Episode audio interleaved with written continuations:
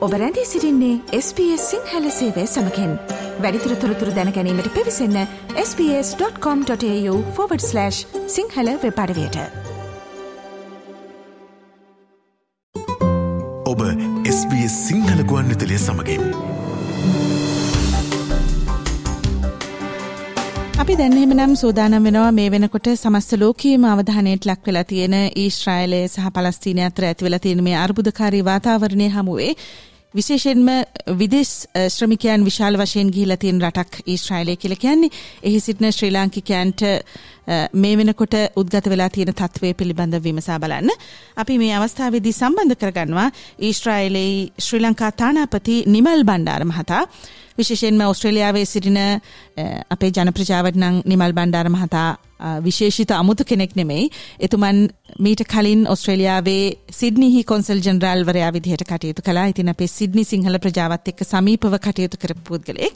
දැන් ඊශ්‍රායලයේ ශ්‍රී ලංකා තානාපතිවරයා විදිහට මේ මහතා කටයුතු කරන්නේ. ආයිබුවන් නිමල් බණ්ඩාර මහතා. අයිබන් දිල්රුක්ති බොහොම සතුති බොහෝ කාලයකට පසු ඔබ සාකච්ඡාවක් කිරීමට අවස්ථාව ලැබීම ඇත්තෙන්ම නිමල් බණ්ඩාර මහතා.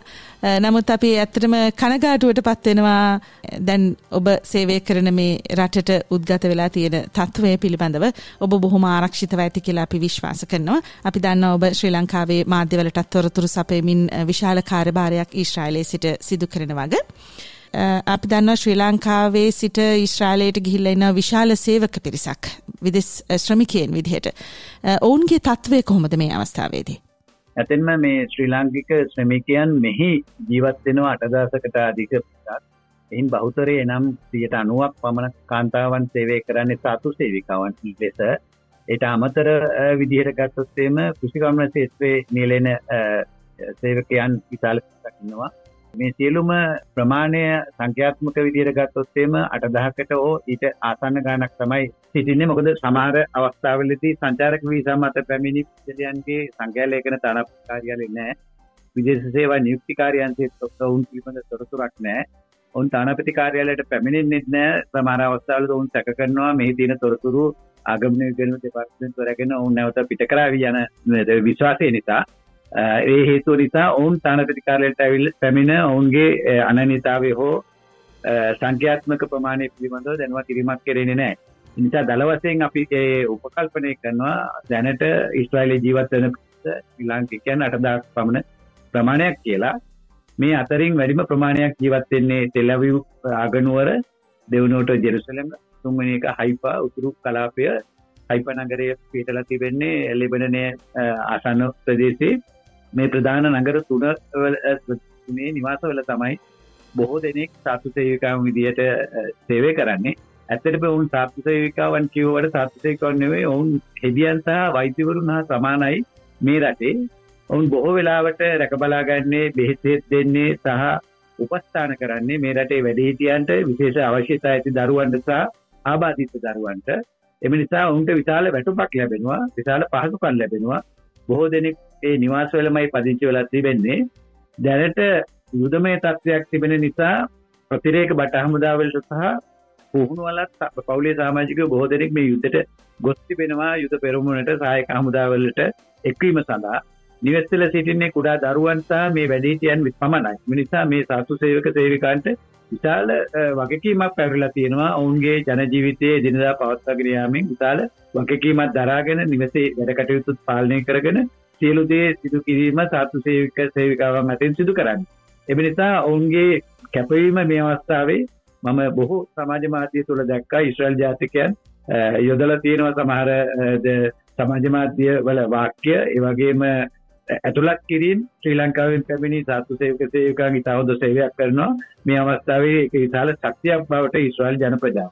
හොඳ දැන් එතකොට මෙදැන් මේ මේ දැ මේ ප්‍රහාර හමුවේ වැඩි අවධානමක් තියෙන කොයි වගේ කලාපේද ඊශ්‍රායිලේ? ඒ කලාපේ ශ්‍රී ලාංකිකයන් බහුලව ඉන්න කලාපේද දැන් ඉස්්‍රායිලයේ භූ දේශපාලනික සිතියම අපි බැලුවොත් එහෙම ඉස්්‍රායිලයේ තිබෙන්නේ මධ්‍යධර්ණී මුහුදට නැගෙනීර ප්‍රදේශින් ජෝධානයට බටහිර ප්‍රදේශින් ලෙබනනයට දකුණු ප්‍රදේශින්සා ඊජිප්තොට උතුර ප්‍රදේශ මේ භූමි ප්‍රදේශ ප්‍රමාණය ගත්තොත් ලංකාව වගේ තුනෙන් එකයි. ජනගහනය ගත්තත් ලක්ෂ නූ දෙකයි එකැන් ලංකාව ජනගානයට වගේ තුනෙන් එකක ප්‍රමාණයක් තමයි තිබෙන් මේ පුංචි රටක් එවනට ලෝකේ විසියටවෙනි විශාලතම ආර්ථිකය තියෙන ඉස්්‍රෑලේ එතකොට මේ ආර්ථිකය ප්‍රධාන වසයෙන් තාක්ෂණය යුදායුධ නිස්පාදනය කෘෂිකර්මය බැංකු කරණය දේපල වෙළදාම වැනි අන්සවලින් ව්‍යාප්ත වෙලා තිබෙනවා. ලෝකයේ වැඩිම පේටන් පලපක්තර ප්‍රමාණයක් තියෙන්නේ ඉස්්‍රල් ජාතිකයන්ට. ඔවුන් නව නිපයුම් කරනවා නොබෙල් තියාග ලබා ගත්ත වැඩිම පිරිසක් ඉන්නේ ඉස්්‍රල් ජාති ද මේ පසුබිමත් එක බලපුවාම ප්‍රධාන වසයෙන්ම ජනතාව නාගරික කරණයට තමයි වෙලා තියන්නේ. ඉස්්‍රයිලය නාගරික කරණය වැඩිම නගර වෙන්නේ ටෙල්ලවිව් ජෙරුසලම් සහ හයිපා යන කොටස් තුන. ඒ තුනේ තමයි ජීවත් වෙන්නේ. නමුත් ශ්‍රී ලාංකිකයන් මේ යුද්ධ කලාපය ව්‍යාප්ත වෙලා තියෙන්නේ දකුණු ප්‍රදේශෙන්ට ගාසා තීරය අපි දන්නවා පලස්තීනයට කොටස් දෙකක් තිබෙනවා. බටහිර යුද සහ ගාසා තීරය. ගාසා තීරයේ කිලෝමීටර් 335 වර්ග ප්‍රමාණය. එහි මිලියන දෙකයි දසම දෙකක කියන ලක්ෂ විසි දෙකක ජනතාවත් ජීවත් වෙනවා. ලෝකෙ අධිකතම ජනගනත්වයක් ඇති ප්‍රදේශයක්. දැන් එහි ඇති වූ මේ යුද ගැටුමට මුල උනේ අන අමාර සංවිධානය එල්ල කරනත මේච්ච ප්‍රාරයක් හත්වරිදා ඔක්තෝබර් මාසේ ඒ අනුව ඉස්්‍රයිලේ දැනට එදස් තුන්සියකට වැඩි ඉස්්‍රල් ජාතිකයන් මේගික් මියගොස් තිබෙනවා මේ ප්‍රාරෙක් තුන්දහසකට වඩා ප්‍රමාණයක් තුවල ලබල රෝල් ගත කරලා තිබෙනවා. ජනාධිපතිතුමා මෙහි ප්‍රකාශ කර හැටියට රටවල් තිස්ථායක දෙසිය පනාකට අධික විදේශිකයන් කිසිම යුද්ධයකට හෝ ගැටමකට සම්බන්ධ නොවූ නිරාවිධ විදේශිකයන් දෙසිය පනහකට අධික පිරිසක් මිය ගොස් තිබෙනවා ඒවගේම කොටසක් ප්‍රාණප කරුවන් ලෙස රඳවාගෙන තිබෙනවා. දැන් මේ සියලුම දේවල් සිද්ධ වුණේ ගාසා තීරය සහ ඒ ආශ්‍රිත ප්‍රදේශවල ඉස්රායලයේ දකුණු කලාපේ ඒ අනුව දැනට ඒ අවට අපිට ශ්‍රී ලාංකිකයන් විදිහට ජීවත් වෙන්නේ පවුල් 20ක පමණ සේවය කරන ගෘහසේවික සාතු සේවිකාවන්. ඔවුන් අතරින් අපිට මුලින්ම ආරංචිය ලැබුණා අටවෙනිදා වෙනකොට හත් දෙනෙක් අතුරුදහන් වී ඇති බව. නමුත් එදින සවස අපිට වාර්තාවක් ලැබුණා ඒ හත් දෙනාගෙන් හතර දෙනෙක් නැවත පැමිණියයි කියලා. එතකොට අපිට හත් තුන් දෙනා ඉතුරුනේ. තුන් දෙනාගෙන් එකයි ප්‍රෝහල් ගත කරා. ඔහු දැනට සුවවි නිවසට පැමිණ තිබෙනවා. තව දෙදෙනෙක් අතුරුදහම් පුද්ගලයන් විදිහට සැලකුවා. ඒ දෙදෙනාගෙන් ඊයේ අන්තර්ජාතික පොලිසියවත් ඉන්ටර්පෝල් ආයතනය අපිට දැන්නවා. ලංකාවේ සතු සේවිකාවක් වූ අනුර රත්නායක මහත්මිය ජීවිතක්ෂයට පත් වූ බවත් ඇගේ දේහය අපට දින කිපකින් බාර දෙන බව. ඒ ඇරුනම තව එක පුද්ගලෙක් යටිවර බණ්ඩාර නැමති අතරි සතර ඇවිදි ශ්‍රී ලාංකිකයේ කතුරුදහන් වෙලා තිබෙනවා. අපට තාම ඔහු පිළිබඳව සටහනක් නෑ අපි සමහර විට විශ්වාස කරනවා අමා සංවිධානයේ රැගෙන ගිය 350ක් වෙන පිරිස අතර මේ ශ්‍රී ලාංකික පුද්ගලයා සිටින්නට පුළුවන්. දැන් ඔවුන් එම නාල්මලේකනේ සකස් කරමින් තිබෙනවා. එය ප්‍රකාශය කර වහම ඔවුන් භාරයේ තිබෙනවනන් අපි ශ්‍රී ලංකා රජ විදේශයට මැදිහත් වෙනවා ඔබ බේර ගැනීම සඳහා. එසේත් තොරතුරක් ලබා ගැනීමට නොහැකිනම් මේ යුද්ධය අවස්ථාවේ ඔහු සිදුවේ කුමක්ද යන්න තවත් බැලීමක් කරන්න අපට සිදුවේ. හරිම කනගාටුයි අනුලා මහත්මිය අභාවයට පත්වීම පිළිබඳව. මොකද විටින් විට අපි දැක්කා සමාජ මාධ්‍ය හරහා මේ ඇය මරණයට පත් වූවාද නැද්ද කියන අවිනිශ්චිතතාව සහිත පුවත් සංසරණය වෙනවා. ඇය කවුරුන් විදිහට ඊශ්‍රාලයට පැමිණුණු කාන්තාවක්ද නිමල් බණ්ඩාර මහතා? ඇය පැමිණ තිබෙන මේට වසර 10කට පමණ පෙර. සාතු සේවිකාවක් විදිහට මෙයට පැමිණ නිසා ඇගේ වයස අවුරුදු 39යි. දැනට වයස අවුරුදු අවුරුදු 49යි දෙදරු මවක් ඇගේ වැඩිවල් පුත්‍රයා නවසීලන්තේ රැකියාවක් කරනවා එහි ප්‍රසද්ධයක් හදාරා. ඇගේ දියණිය උසස් අධ්‍යාපනයට සූදානම් වෙනවා. ඇත් නවසීලන්තේ කරා යාමට තමයි බලාපොරොත්තු සිටියේ. ඇගේ විවාහයෙන් පසුව මම හිතන්නේ මේ කටයුතු සිද්ධ වෙමින් අතර තුර තමයි අනුලා රත්නායක මහත්මියගේ අභාවය සිද්ධ වුණේ. ඇගේ ස්වාමයා විශ්‍රාමික නිලධාරියෙක් දැනට කැලණිය ඊරි වැටිය ප්‍රදේශයේ පදිංචි වෙනවා. මම මේ තුන්දෙනා සමගම කතා කරා. ඒ වගේම ඇගේ නැගණියක් කුවෙත් හි සේවය කරනවා. මම ඇත් සමග කතා කරා. ඔවුන් සමග කතා බහ කර දැන් මේ සිරුර අඳුරා ගැනීම සඳහා ඔවුන්ගේ සහාය අපි ලබාගෙන තිබෙනවා. ඔවුන් අපිට ඒ සිරුරේ තිබෙන විශේෂ සලකුණු අපිට දන්වලා තිබෙනවා. නියපොතු සහ දත් සහ කොණ්ඩය පිළිබඳව යම් හේකින් අඳුරා ගැනීම අපහසුතාවයක් තිබුණොත් අපි සුම් තාක්ෂණය ඔස්සේ උන් සම්බන්ධ කරගන්නවා. ඒ සිරුර හඳුනා ගැනීම සඳහා. හොඳයි දැන් එතකොට මේ දැන් ඇති වෙලා තියෙන මේ යුදමය වාතාවරණය හමුවේ අපි දන්නවා විවිධ ප්‍රවෘත්ති මාධ්‍ය මගින් වාර්තා කරනවා ඊශ්‍රායලය ලොකු ප්‍රහාර මාලාවකට සූදානම් වෙනවා කියලා යම් යම් ප්‍රදේශවලින් යම් දේශසීම ආසන්න ගම්මානවලින් පවා ජනතාව ඉවත් කිරීම සිදු කරනවා කියලා. දැන් මේ තත්ත්වය යටතේ ශ්‍රී ලාංකිකයන්ට ආපහු ශ්‍රී ලංකාවට ගෙන්වා ගැනීම සඳහා විදේශ අමාත්‍යාංශය යම් වැඩසටහනකද සිටින්නේ මොකක්ද ඒ පිළිබඳව වාර්තා වන තත්ත්වය? ඔබ ඇසූ ප්‍රශ්නයට මම සරල පිළිතුරක් දීමට මේ ප්‍රවේශයක් ගන්නත් කැමති මේ අන්තර්ජාතික වශයෙන් විකාශනය වෙන ප්‍රෘතිවල සඳහන් වෙන්නේ සමහර ප්‍රදේශවලින් ඉස්්‍රල් ජාතිකයන් ඉවත් කරනවා කියලා. එකතාව ඇත්ත.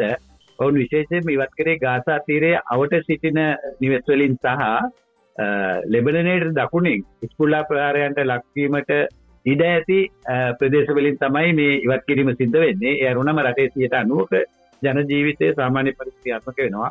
දැන් අද දිනේ බැලුවත් අද රාජ්‍ය ප්‍රවාහන පද්ධතිය සම්පූර්ණයෙන්ම ක්‍රියාත්මක වෙනවා. දුම්රිය ගමන් කරනවා. මගේ ප්‍රවාහන බස් රථ ගමන් කරනවා. ජනතාව සුපුරුත් පරිදි රාජකාරී වල නිරත වෙනවා. යුද්ධයට ගිය කොටස් ඇරුණු විට ඊට අමතරව අපි හැම හැම අවස්ථාවකම අනපති කාර්යාලය විදිහට දවස කීප වතාවක්ම අපතුරු යාවත් කාලීන කරනවා. ශ්‍රී ලංකා ප්‍රජාවට සමාජ මාධ්‍ය හරා දැනට තියෙන හැටියට ශ්‍රී ලංකික අපි සතු සේවිකාවන්ට කිසිම අවහිරයක් නෑ රාජකාරි කටයුතු කරගෙන යාමට ඔවුන් නිවෙස්සල ගත කරන නිසා.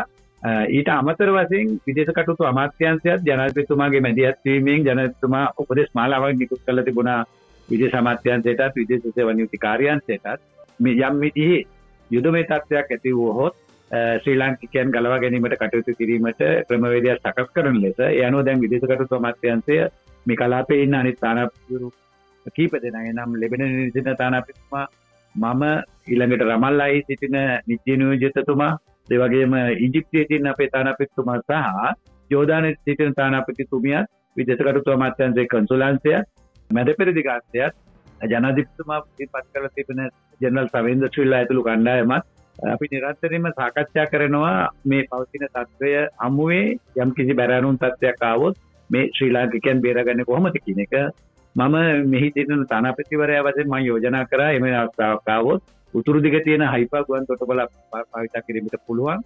ටෙලවේ ගුවන් තොට පොලට සමාර අවසාල විකාරයන් එල්ල එල්ල වෙනවා මේ රොකට් සා ශෙල්ප්‍රහාගයක් ඊට අමතරව ටෙලව ගුවන්තොට පෝල හැම අවස්ථාවකම කාරය බහුලයි. ඒ නිසා අපිට ඉතා එක්මනින්ම උතුරේ තියෙන උතුරු පලාති තියෙන අයිපගුපන්තොත් පොඩ පාච්චි කල අපේ පිරිස රැගෙන යන්න පුළුවන් අවශ්‍යතාවයක් වුණොත්. බ්‍රතාන්යේ ගුවන් යන දෙකුත් අයිපගුවන්තොට පලාර ඔවුන්ගේ පුරුවචයන් රැගෙන යාම සිදු කරනු ලැබුව.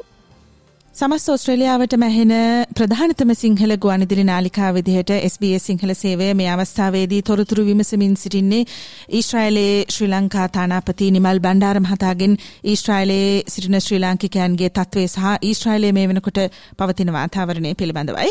නිමල් බණ්ඩාර මහතා අපි දන්නවා දැන් පලස්තීනය කියලා කියන්නේ මේ ස්වාධීන රාජ්‍යයක් විදිහට එක්සත් ජාතීන්ගේ සංවිධානයෙන් තාම පිළිගත්තේ නැති කලාපයක් රටක් විදිහට හඳුනාගත්තේ නැති ප්‍රදේශයක්. එතකොට දැන් මේ පලස්තීනයේ පාලන කලාපවලට ශ්‍රී ලංකාවේ යම් රාජ්‍යතාන්ත්‍රික නියෝජනයක් තියෙනවද?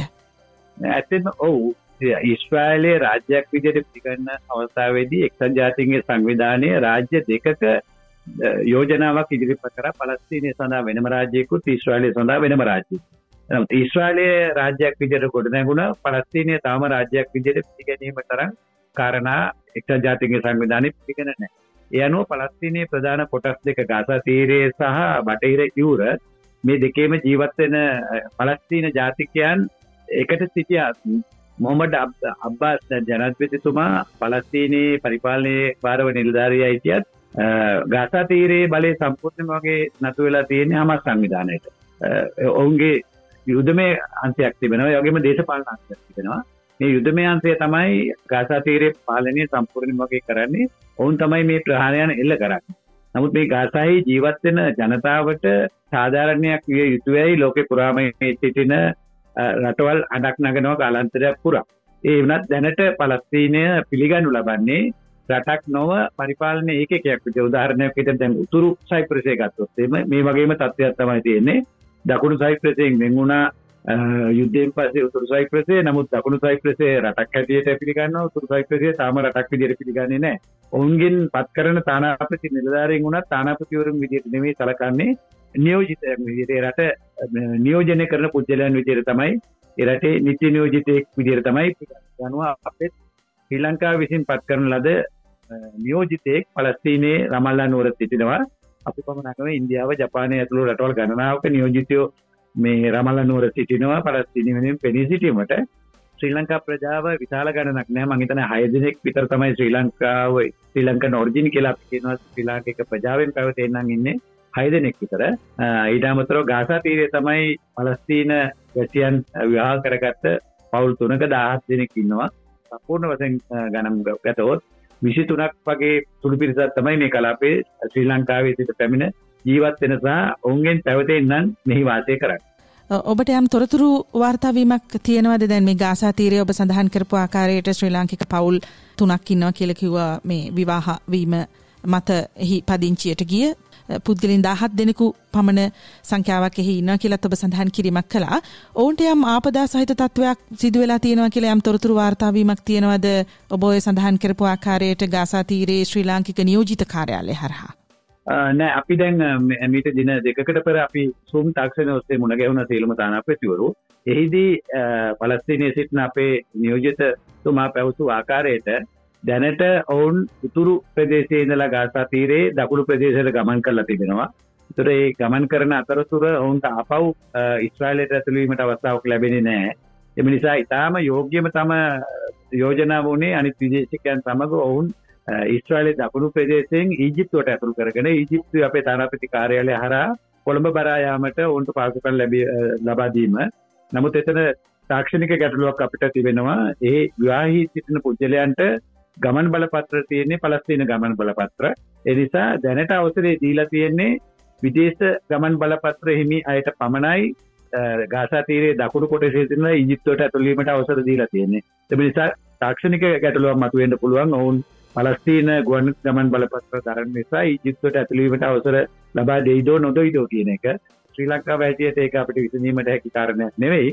විශේෂම ශ්‍රී ලාංකික ගුවන් ගමන් බලපත්‍ර තියෙන අයට දැනටමත් දැන්ින් කලා තියෙනවා. මහිතන උන්ට අවසරේ ලැබේ මේ පිරිසත් සමගම ඉජිප්තුවට ඇතුළේ දැන් මේ ඇතිවෙලා තියෙන යුදමේ වාතාවරණය හේතුවෙන් ශ්‍රී ලංකාව අපේ මවබිමට ආර්ථික වශයෙන් මේ තත්වේ කොමද බලපානි කියලත් මං ඔබෙන් දැනගන්න කැමති. අපි දන්නවා ශ්‍රී ලංකාවෙන් විශාල විදේශ්‍රමිකයෙන් පිරිසක් ඉස්්‍රාලිට ගිහිල්ලයින්න ඔවුන් හරහා ශ්‍රී ලංකාවට ලැබෙන විදේශ විනිමේ තියෙනවා. ඉට අමතරව සංචාරක කර්මාන්තය පැත්තෙන් ගත්තොත් ඊශ්‍රාල ජාතිකින් අතර ශ්‍රී ලංකාව බොහොම ප්‍රකට සංචාරක ගමනාන්තයක්.